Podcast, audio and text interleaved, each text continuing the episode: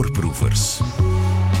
Ik eh, weet dat Netflix het niet graag meer heeft, maar ik ga toch even mijn account met u delen voor iets spannends.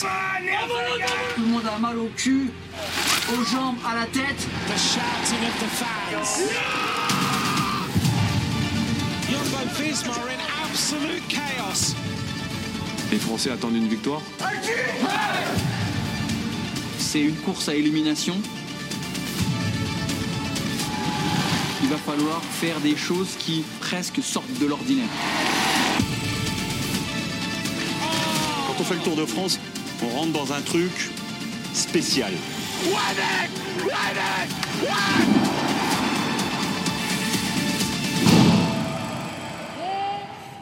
Ja, spannend, spannend. En het was niet de nieuwste versie van de Hunger Games op Netflix of zoiets. Wel het begin van de reeks Tour de France Unchained, waarin het streamingplatform in de Ronde van Frankrijk van vorig jaar zowat overal camera's heeft gezet, gericht op de hoofdrolspelers in de ploegbussen en in de volgwagens, zodat je het van heel dichtbij kunt zien met je neus op alle emoties. Het is een van de vele pogingen om de koers aantrekkelijker en toegankelijker te maken. Je hebt ook reeksen op Amazon Prime bijvoorbeeld, op Canvas natuurlijk ook, die over Patrick de Fever. En nu gaan wij, voorproevers, ook meedoen aan de hype met een boek. De titel is Verhalen uit de Volgwagen. Die zijn opgetekend door een Nederlandse journaliste, genaamd Liedewij van Noord. Helaas is Liedewij deze week niet beschikbaar voor commentaar en interviews, maar dat is niet erg. Want ik had toch zo graag José de Kouwer een keer geïnterviewd en dit was de kans. Dag José. Goedendag. Je hebt het boek voor ons gelezen. Je staat er zelf ook in, want jij bent nu bekend als wielercommentator, maar je hebt veel gekoerst en je hebt veel in de volgwagen gezeten. Ja, klopt helemaal. Ik heb de, de hele reeks afgelopen. Ik bedoel, van renner tot. Je herkent alle verhalen die in dat boek staan dus. Als de schrijfster niet aanwezig is, kunnen we één vraag meer stellen dan wanneer ze er wel is. Is het een goed boek?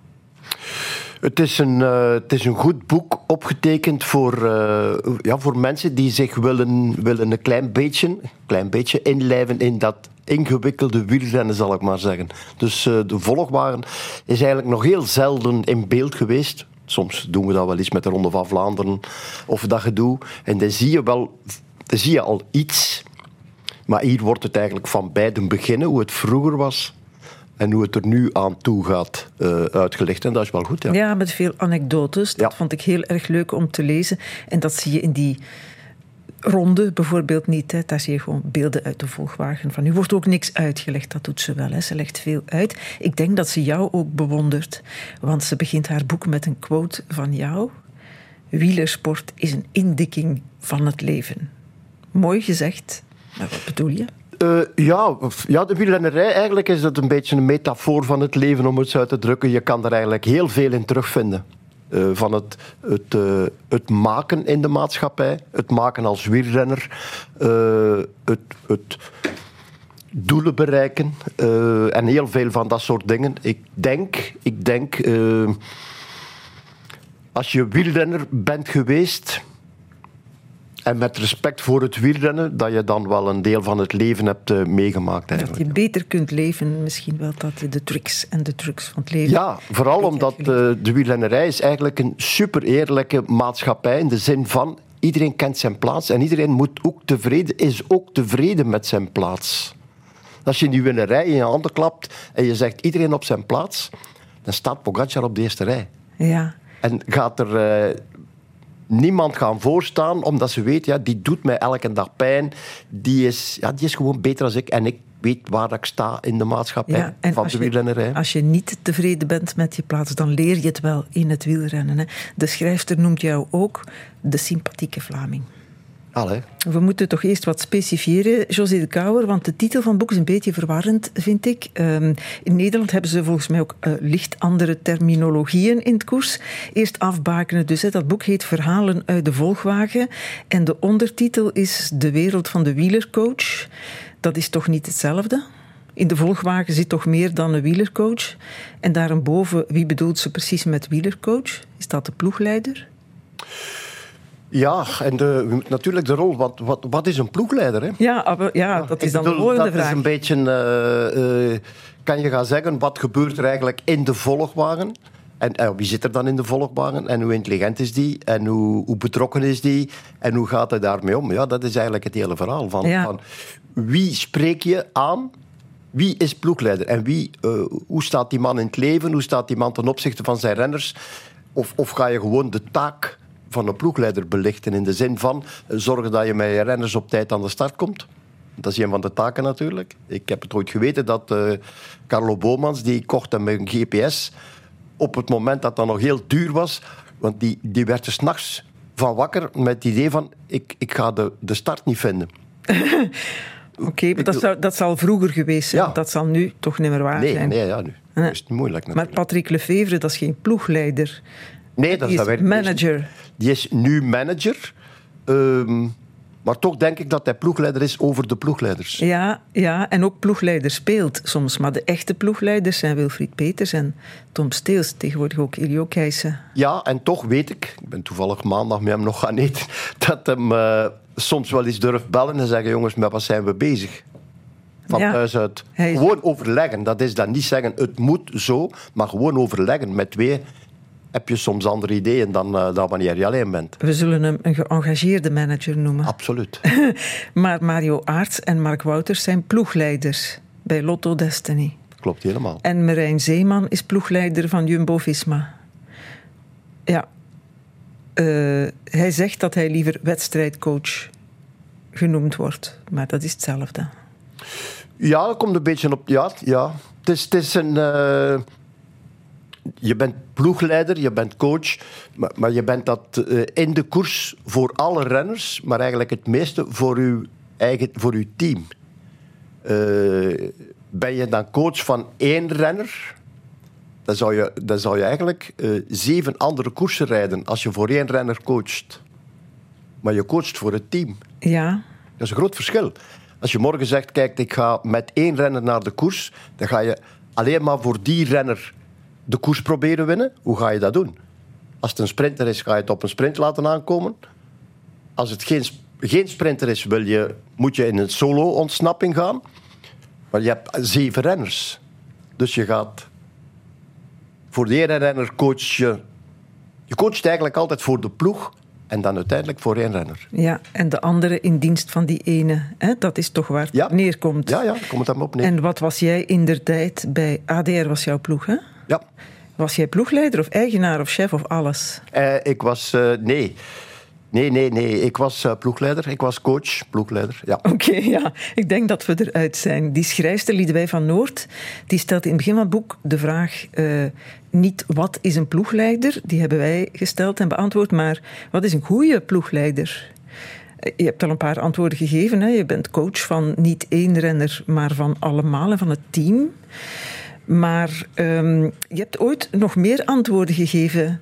eh, wat jij dacht dat het was, helemaal in het begin van jouw eh, ploegleiderscarrière. Je was 31 jaar en net gestopt met koersen. En je legde uit waarom je koos voor het ploegleiderschap. En pas op, je gaat zelf niet geloven dat jij dit bent. Ik heb me altijd bezig gehouden met eh, het observeren van alle andere renners in het peloton. Dat was zo wel mijn opdracht. En als je iets vaak doet, dan begin je er om een duur eh, specialist in te worden. En dan ging je aan hem vertellen wie goed reed en wat er aan het gebeuren was. Eh, onder andere, ja. En ik moet zeggen, op een gegeven moment begin je er zelf plezier in te krijgen als je denkt dat, dat, dat er iets goed is. En ik moet zeggen, dat is eh, dikwijls meegevallen. Dus op, op zo'n moment dan krijg je vertrouwen in jezelf en dat is heel belangrijk. En als je de eerste ingeving die je krijgt volgt, is meestal de goede. Je moet er rennen een feeling voor hebben en dat moet een, een sport worden, in de sport zelf. Dat ben jij toch, hè? Blijkbaar, ja. Dat is heel raar om jou te horen. Maar het is mooi gezegd. Wie het ook zegt, je moet er feeling voor hebben. Het is een talent, met andere woorden. De schrijfster citeert Erik Dekker, oud-ploegleider in Nederland. De ploegleider is de chauffeur van de mechanieker. Ja, ja, dat wordt inderdaad wel eens gezegd. En er, ehm, ja, dat wordt inderdaad wel eens gezegd. En er zijn ook... ehm, niet iedereen is eh, gemaakt om ploegleider te zijn. Nee, het zal wel niet. Moet een ploegleider noodzakelijk coureur geweest zijn, zoals jij dat was? Ik denk, ik denk ehm, om wedstrijdsituaties in te schatten... Wedstrijdsituaties in te schatten dat je beter wielrenner kunt geweest zijn. wielrenner kunt geweest zijn. Om iemand te motiveren, hoef je daarom geen wielrenner geweest te zijn. Nee, want dat is een ander soort talent, hè? Dat is weer iets anders. Ja. Heb je de beide, eh, dan lijkt het mij makkelijker om iemand te motiveren op het juiste moment, of de juiste woorden te vinden. Omdat je, als je niet zou gekoerst hebben, dan ga je soms dingen zeggen dat je denkt van, maar je weet dus echt niet hoeveel die renner afziet. Dus ook het verhaal van eh, hele goede ex-renners zijn niet altijd de beste coaches, omdat die zich moeilijk kunnen verplaatsen in het idee van een jongen die aanklampt. Ja, en omdat ze misschien ook communicatief, eh, je kan goed koersen, maar daarom niet goed Dus- eh, onderhandelen of Het is, eh, het is, enorm, het is enorm belangrijk om, om met wie dat je werkt, om die echt heel goed te kennen. Om, om echt de in- en outs en te weten. Dat is ook nog eens belangrijk om te weten wie in de volgwagen zit van andere ploegen. Want? Want eh, je kan weten, is dat een nerveus type? Kunnen we die in gang trekken voor ons doel als ploeg? Hè? Ik wil dat er gereden wordt, omdat die ontsnapping niet mag wegblijven. Ik heb daar eh, steun voor nodig, liefst. En ik wil het liever niet zelf doen. Ik zou liever hebben dat het een andere ploeg doet die het gat dichtrijdt, om het zo uit te drukken. Dus die andere ploegleider moet een maat van jou zijn. Of, of nee, als je weet, het is een nerveus type, of die, die rijdt, die zal wel beginnen rijden. Je hebt van die mannen die, die beginnen rijden. Eh, je kan er eens langs rijden, eens kijken en zeggen dan zo van, hm, het ziet er gevaarlijk uit, die ontsnapping. Zo, hè, tekentje doen met je hand. En dat kan voldoende zijn om, om binnen twee minuten later die ploeg op kop te zien beginnen rijden. Zodat je denkt, ah ja, Ah ja, erin. een goede onderhandelaar moet je eigenlijk ook zijn. Ja. Ja. het is iets anders, hè. Het is een ander woord, maar ik vind het niet. De schrijfster heeft het over Brik Schotten. Hè, heb je gelezen. Ja, ja. Coureur geweest en wat voor een, hè? Veel Ja, gewonnen. Ja, ja. Ehm, twee keer wereldkampioen, onder andere. Maar ook 30 jaar ploegleider geweest bij Flandria. Onder andere. En dit was zijn opvatting van koerstactiek. Je moet rap rijden als je rap moet rijden. En je moet traag rijden als je traag moet rijden. Ja, Ja. dat zal wel, hè? Daar eh, begint het bij. Maar daar eindigt het niet. Het is veel meer dan dat. Ja. Het is, het is eh, inderdaad, ik ken de periode van Brik Schotten. Eh, ik heb die gekend als ploegleider. Dat is, dat, is, eh, dat is niet meer hetzelfde vak nu. Het is, een, het is een ander vak. Vroeger was het ook geen vak.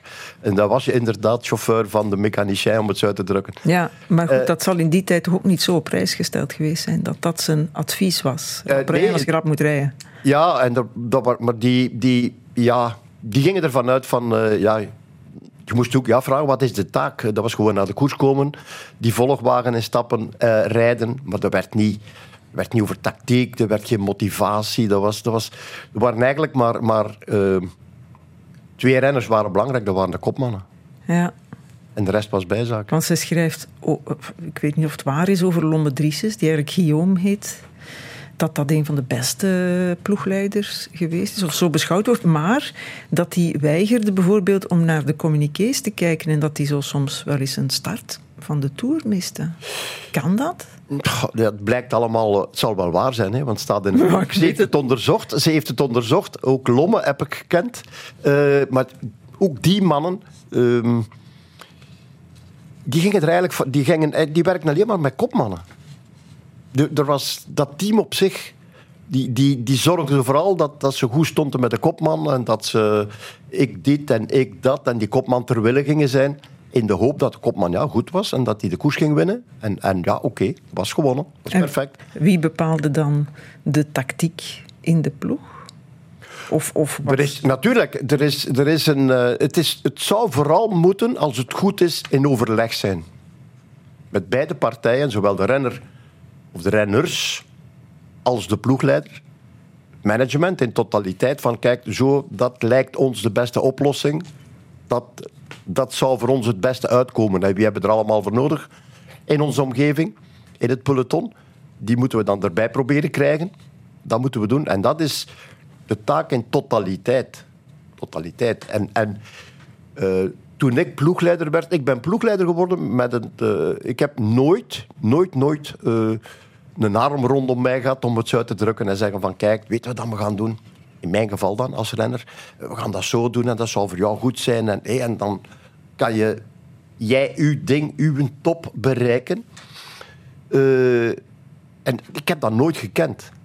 Het was eigenlijk eerder zo van, ja, uh, doe maar uw ding en zwijgt en, en draai maar uw, ik weet niet wat af. En, en doe je ding. Ik, ik ben ploegleider geworden eigenlijk meer zo met proberen renners uh, voor mij te winnen, zonder daar uh, eieren onder te leggen, zal ik maar zeggen. Nee, maar, maar ze in jou te doen geloven, zodat je ze voor jou willen werken en ja, luisteren naar vertrouwen, wat... Vertrouwen winnen, dat is een, dat is een enorm belangrijk ja, gegeven nu.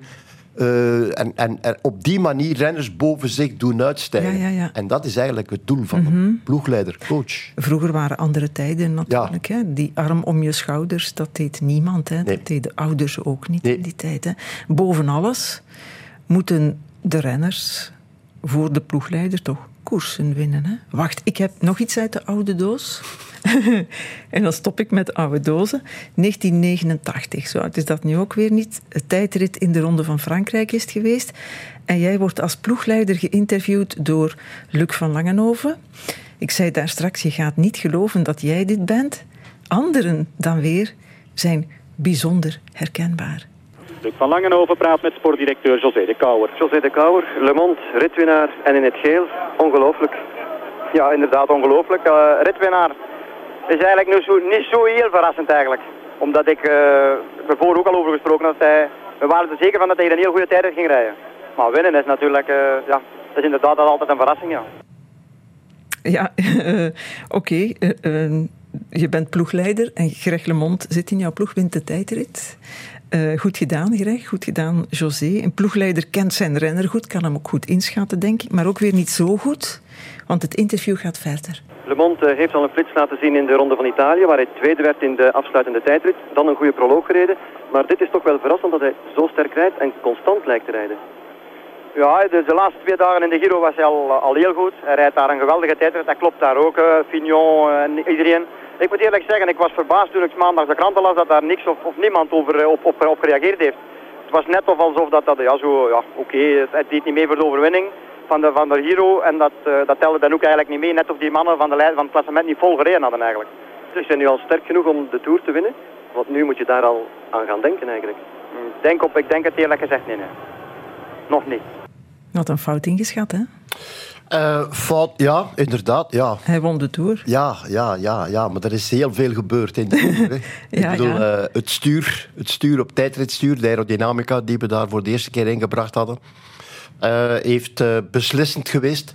En is inderdaad boven zich gaan uitstijgen. We zaten al een gans voorjaar eigenlijk te vechten om die conditie te vinden. Hij was slachtoffer geweest van een jachtongeval. Twee jaar ervoor was er twee jaar uit geweest. Het was eigenlijk herstellende. In die Giro wilde het absoluut niet lukken. Vanaf de eerste dag op de Etna gelost. Groep 3, groep Le Monde. Werd niet gezegd groep 3, werd gewoon gezegd Le Monde. Ik bleef daarachter. Ik, zat, ik had renners mee vooraan zitten, maar ik bleef wel bij hem. Om hem, ja, om het, vertrouwen te geven in hem. En niet achter de eerste renner te gaan rijden, wat velen dan zouden doen. Dus dat was al een opbouwen van vertrouwen. En dan, ja, uiteindelijk eindigt hem heel goed in die Giro door, uh, door ja, een fantastische tijdrit te rijden. Zonder hartslagmeter gewoon, kom, we gaan het zo doen. We gaan rijden als de kinderen. We starten vol. En we gaan er, kijken niet naar vermogensmetingen. We doen niks. We gaan gewoon voluit en ja. kijken waar het schip strandt. En dat is opbouwen, dat is vertrouwen ja. opbouwen. Maar om dan te gaan zeggen, dat zou een beetje grootspraak geweest hebben, denk ik. Uh, voor de Tour zeggen, we gaan de Tour winnen. Ja, we hebben het over het boek Verhalen uit de Volgwagen. Verhalen uit de wereld van de wielercoach van Liedewij van Noord, die er niet bij kan zijn. Maar José de Kouwer is er in haar plaats, las het boek, zat zelf ook in veel Volgwagens, was jaren ploegleider voor hij wielercommentator werd. We hebben intussen ook beeld bij boek. Hè. We hebben allemaal al wel eens beelden uit Volgwagens gezien. In de ronde, bijvoorbeeld, zoals je zei.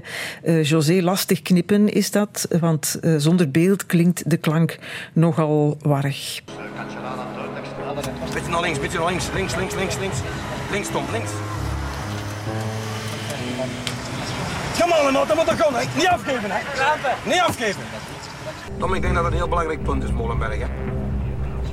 Gaat het echt erom gaan, hè, mannen. Kom aan, hè. goed bezig. Hè. Ja, zo gaat dat nu. José, het is een tijd geweest, ooit, ik neem aan jouw tijd, dat uh, die oortjes nog niet bestonden, dat je niet goed bezig moest liggen roepen of kom aan, mannen. Uh, dat je uit het raam van de wagen moest hangen. Uh, Liedewij van Noord schrijft vandaag met die oortjes heeft de ploegleider vaak veel meer inzicht in het koersverloop dan de renner zelf. Ja, dat zal wel. Hè. Jullie kunnen, jullie ploegleiders, kunnen radio horen, tv kijken ook. Hè? Ja, absoluut. Je, je ziet ook de. Ja, als renner zie je niet wat er vooraan gebeurt. Hè. Er is een koproep. Wie rijdt er op kop? Wie doet lange beurten? Wie draagt de ontsnapping? Wie profiteert een beetje van de ontsnapping vooraan? Uh, renner ziet alleen degene rondom hem rijden. En nu rijden ze als ploeg vaak allemaal samen. Ook al uh, veranderd tegen vroeger. Maar als ploegleider heb je zicht op wat er vooraan gebeurt. Je hebt alle camera's. Je ziet renners lossen. De renner rijdt vooraan op kop. Die weet niet dat er, dat er achteraan iemand aan het lossen is. Ik bedoel, dat kan je met een tip te geven. Te zeggen, ja, een van uw concurrenten zijn collega's of iemand anders. Een, een, een, mede, een mederenner bijvoorbeeld van, van Jumbo staat op het lossen. Als je nog even doortrekt, is die eraf. En zit, valt de kopman alleen bijvoorbeeld. Ja, ja. Dat zijn allemaal zaken, dat zie je als renner niet. Daarom ben jij als commentator ook zo goed natuurlijk. Jij ziet dat ook allemaal nog. Ik, uh, ik, weet, ik weet dat er soms... Uh, ik zie soms dat soms in de koers ploegleiders doen wat ik... Niet, niet ik zeg, maar wat ik soms luid op zeg. Van, ja, ik zou dat doen of dat doen. En dat dan een beetje later gebeurt. Dat ik denk van, ja, maar dat is ook logisch. Hè? Dat is niet dat ze mij dan volgen, maar dat is dat is logisch, dat is een voorzet die je geeft van ja, ja, oei, dat is hier precies aan het gebeuren. Of dat of dat. En dat ze in de volgwaren ook zeggen, ja, ja dat is inderdaad... Ja, maar het kan zijn dat ze jou wel gehoord hebben, want ze hebben die tv ook aanstaan. Uh, dat gebeurt, ja. het zou mooi zijn als ze af en toe luisteren nog altijd naar José de Kouwer. Nog altijd een beetje ploegleider dan. Maakt het dat moeilijker of makkelijker om ploegleider te zijn? Want meer en meer dingen hangen toch van ploegleiders af dan... Je verantwoordelijkheid wordt groter. Uh, Heel groot zelfs. Ja, je verantwoord... ja, ja, het is te zeggen. Je moet vooral overleggen. overleggen. Je, je hebt natuurlijk nu met data. Hè, ze, je kan wel zeggen tegen een renner op je buikgevoel: Allee, kom aan, ja, ja. Maar als, als het niet kan, kan het niet. Nu kan die renner wel zeggen, ja, maar ik zit op de limiet. Of, of ze kunnen eigenlijk bijna al vanuit de volgwagen zien hoeveel vermogen hij aan het trappen is.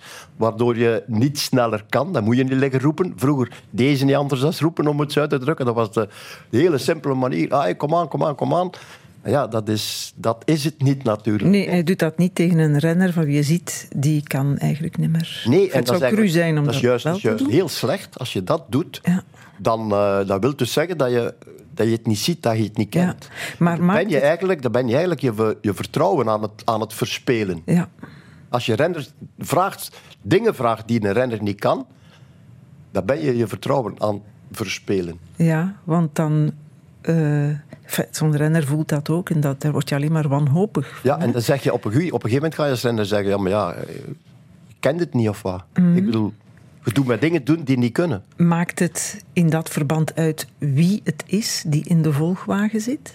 Ik denk dat dat uh, zeker belangrijk is, ja. ja. Bijvoorbeeld bij Remco, hè, om het heel concreet te maken, of daar nu een Ilio Keijsen zit, of, uh, of Wilfried Peters, of um, wie is er nog? Tom Steels, of Patrick Lefevre zelf. Maakt dat uit? Dat gaat zeker uitmaken. Of je hem rapper gaat toerijden, dat is een ander verhaal. Maar dat gaat, dat gaat niet zin? lukken, natuurlijk. In welke zin dan? Uh, vertrouwen geven, rust geven, rust brengen. Of juist net niet, juist op het, uh, het juiste moment toch zaken kunnen aanvoelen.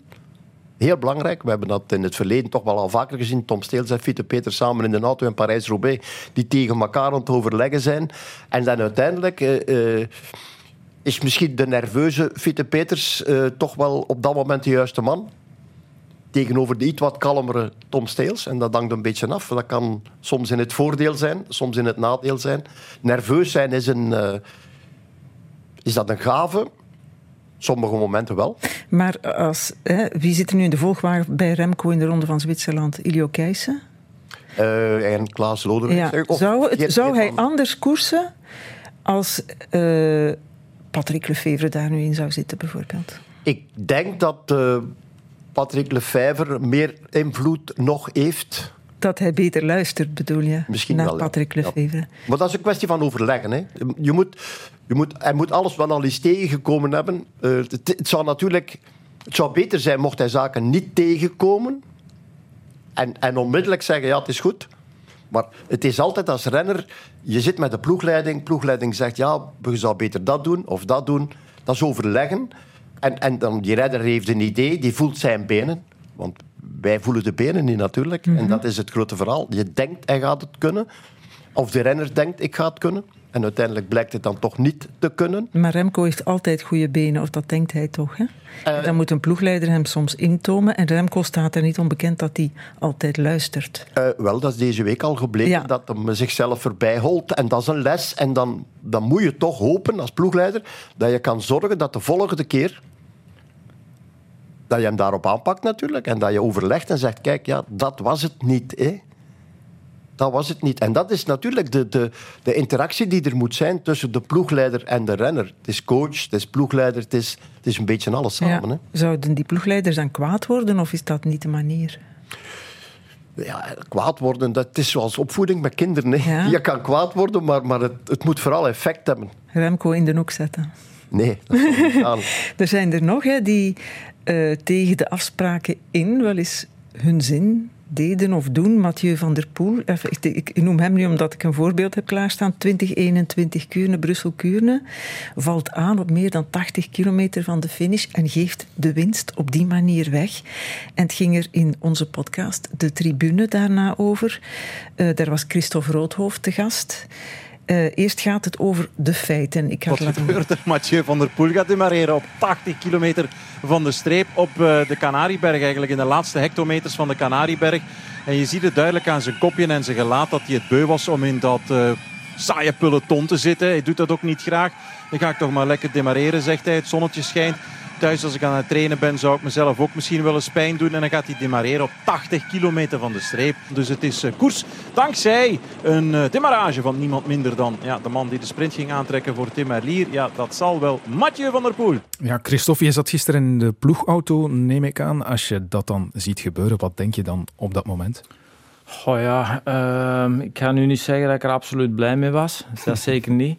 Ehm, we hadden afgesproken dat hij op de Kwarmond uh, zou demareren, wat denk ik logisch was, waar, iedereen het zou, wel zou verwacht hebben. Dat was de bedoeling, maar uh, hij doet het dan 20 kilometer vroeger bijna.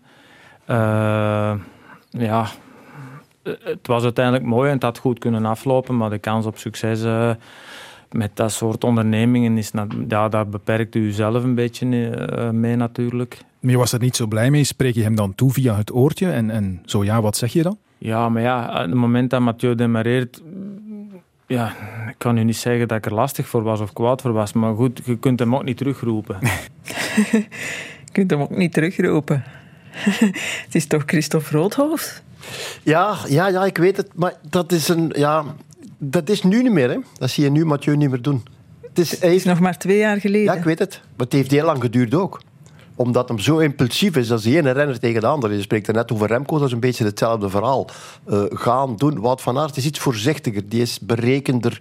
En, en Mathieu heeft nu ook gezegd van ja, het is nu meer om de prijzen te doen. Dus, en als het is om de prijzen, als het echt om de prijzen is, dan moet je met zo weinig mogelijk energie proberen een koers winnen. Dat is de kunst. Hè? Ik zeg vaak eh, het bord van uw tegenstrever leeg eten en dan aan uw eigen bord beginnen. Maar, maar koers, dat is, dus, dat is een beetje dat is wat koers zo ingewikkeld maakt eigenlijk. Het is niet om te rapst rijden. Hè? Nee, nee, nee, maar een ploegleider weet dat. Hè? En ik begrijp hier ook, Christophe Roodhoofd was ook niet blij. Zegt ook wel door dat oortje. Ja, ja, ja maar het is, het is Mathieu en dat is een groeiproces. Ja, ja. En ondertussen verliefd is hij er koersen door verloren. Dus iedereen vindt dat mooi natuurlijk, maar je bent wel koersen aan het verliezen op die manier. En nu gaat alles iets meer to the point. Nu... Ja, ja, je moet eerst een paar dingen meemaken, zoals je zei. Hè? Ja. Niet winnen door je stomme schuld. Ja, en dat is dan de taak, dat is dan weer de, de, de klasse van een ploegleider of van een coach die dat zoveel mogelijk probeert te beperken.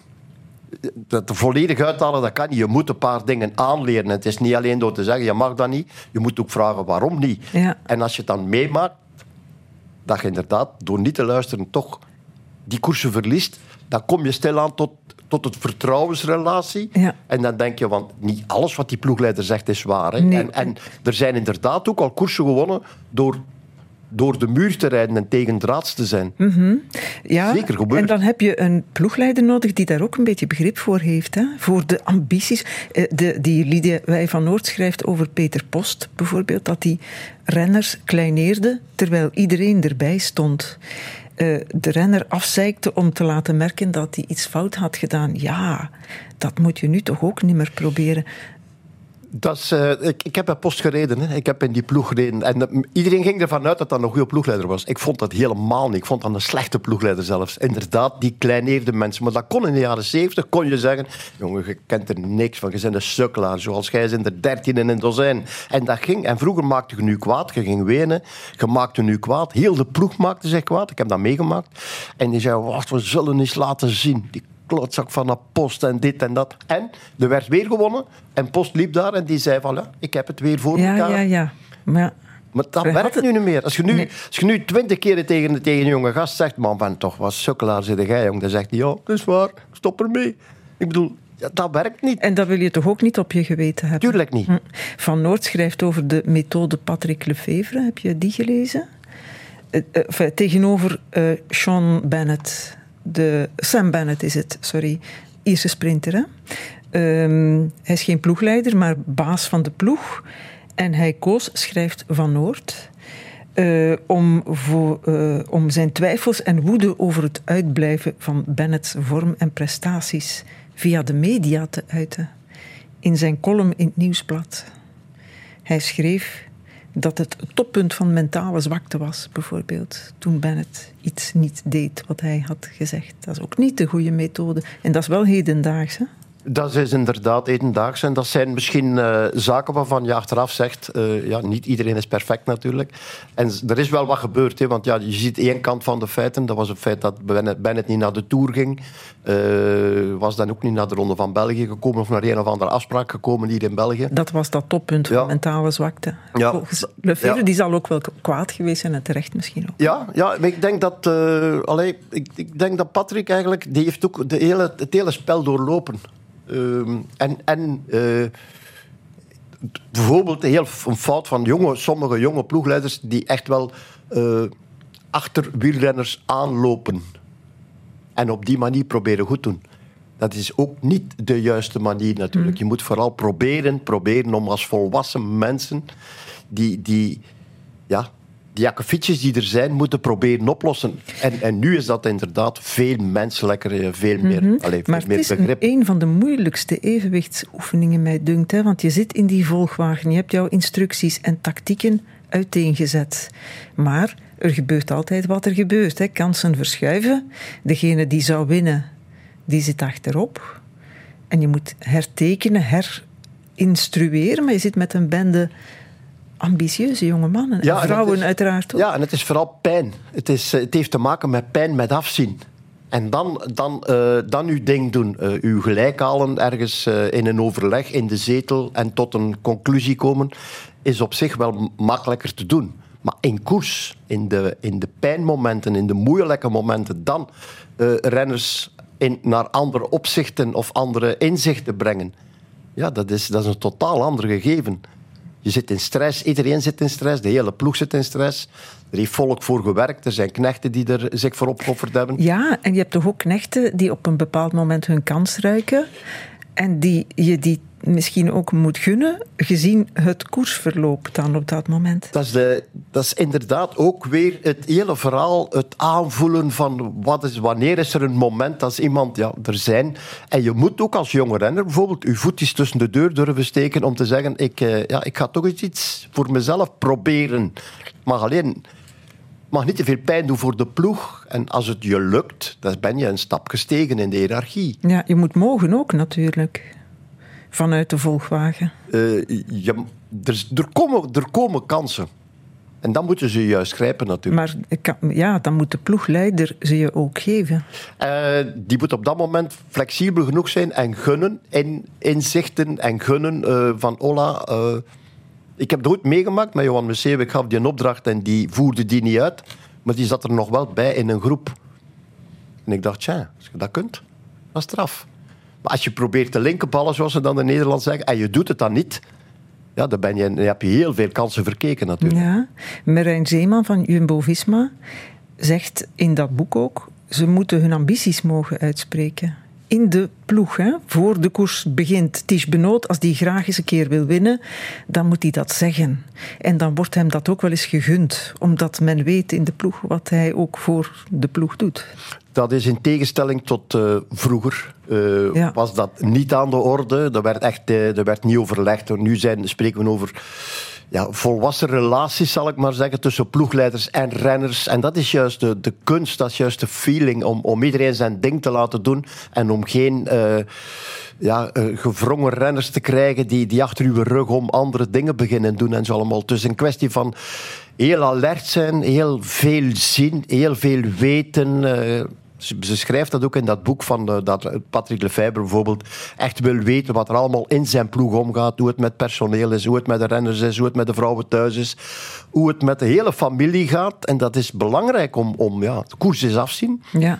En, om, en om dat afzien uh, te, te leiden, om het zo uit te drukken, te coachen is het enorm belangrijk dat je heel veel weet en ziet. Ja, en om te zorgen dat ze naar je luisteren, moeten ze je vertrouwen. Hè. Dat is nog zo één voorbeeldje dat ik er nog bij wil van Patrick Lefevre in 1996. Is ploegleider bij Mappij dan. En drie van zijn renners uh, komen in Roubaix op de wielerbaan. Parijs-Roubaix, de laatste fase is dat. Ja, ja. Hè. Drie van dezelfde ploeg. Johan Museo, Bortolami en André, uh, Taffi, Andrea Taffi. Welke instructies geef je dan? Ja, dat is natuurlijk het respect dat de, de knechten op dat moment... Drie goede renners, dat is al niet simpel natuurlijk. En die kunnen alle, alle drie een, een, eh, een topprestatie leveren. En dan ga je op een bepaald moment als ploegleider ga je gaan zeggen... Die moet het doen, of die mag, moet winnen. Was ook wel de beste op dat moment, Museo. Was ook wel de beste. En, en het zou natuurlijk moeilijker zijn om te gaan zeggen: Bortolamo moet, moet, moet, winnen of die moet, die moet winnen. Dat is natuurlijk een ander verhaal. Ja.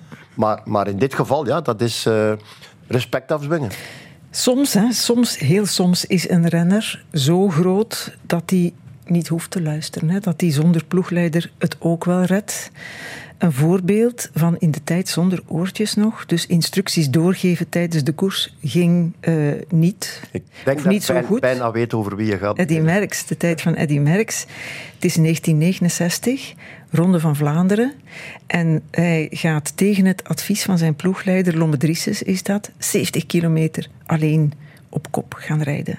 Lommedriesses is naast hem komen rijden met de auto. Heeft gezegd, stop ermee. Merks gaat door. Ja, absoluut. En Merks geeft uitleg achteraf. 75 kilometer van de aankomst. Ja. Lommedriesses. Ja. Wat kwam hij tegen jou zeggen? Ik kwam vragen of ik, of ik gek was. En wat antwoordde je? Uh, ik zeg ja. ik zeg loop de, naar de vaantjes. Ik wist goed wat, wat ik deed. Zei je het zo of zei je het op een andere manier? Ja, op een, op een andere manier, maar beter zo. Ik zal het proper formuleren, uh, kus mijn onderdelen. Ja, zo, zoiets in deze hand, ja. Nu, uh, je kunt mijn grote kussen. Dat lijkt me niet iets voor Eddy Merckx om zoiets te nee, zeggen. maar ik was, ik was kwaad. Omdat ik wist dat wat er in de wedstrijd gebeurde. En het was al een paar keer uh, zo dat, dat ik een beetje met Guillaume gespannen stond. En uh, wat zeggen de mensen niet? Dat ze in slechte weer en je ziet aan het afzien en je zet het verschil te maken. En uh, de sportspuur komt naast u zeggen: uh, Wat staat er nu aan het doen? Uh, word je gek? En ja, dan, ik, ja, dan, dan, dan, dan zeg je zoiets wat je normaal niet zou zeggen. Schoon, hè? Tuurlijk. ja, dat is, dat is puur de wereld van de koers. Fantastisch is dat. Dat is het tegenovergestelde voorbeeld van. Ja, nee, maar dat is. Uh, dat is uh, ik denk ook op dat moment, 69, dat we van Merckx nog niet alles gezien hadden en nog niet alles wisten. Uh, de volgende keer als Merckx begint aan dat soort raids, oh, ver van het einde, dan is niemand hem gaan zeggen: Je bent gek, want we wisten dat het kon. Ja. Ik is ook... Greg van Avermaet wordt Olympisch kampioen op een parcours waar, eigenlijk, uh, waar hij zelf drie jaar lang van gedroomd had. En waar het de meeste van dachten, dat gaat, gaat nooit lukken. Ook tegen alles in. Ja. Hij wordt Olympisch kampioen. Dus. Dat zijn de schone voorbeelden uit de koers. Is nu een aanrader, dat boek? José de Kouwer? Ik denk dat je wel uh, een pak wijzer wordt. Uh, en en ja, het echte inzicht ga je toch nooit krijgen. Dat wordt heel ingewikkeld, want er gebeurt zoveel. Maar het is wel een, uh, meer dan een tip van de, van de sluier, ja. ja. Absoluut. Heb jij er dingen in gelezen die je nog niet wist? Ja, uh, verhalen van vroeger ergens. Uh, en ik, er staan verhalen in van een vrouw die ploegleider wordt en dingen allemaal, de moeilijkheid ervan en zo allemaal, kan ik allemaal goed indenken en uh, in meeleven. Maar het zou, het, zou, het zou niet goed zijn als er veel in moest staan dat ik niet weet, want dat wil zeggen dat ik niet met mijn vak ben bezig geweest. Ja, oké. Okay. Liedewij van Noord, verhalen uit de volgwagen, de wereld van de wielercoaches, uitgegeven bij Atlas Contact. Dankjewel om het voor ons te lezen. Voorproevers.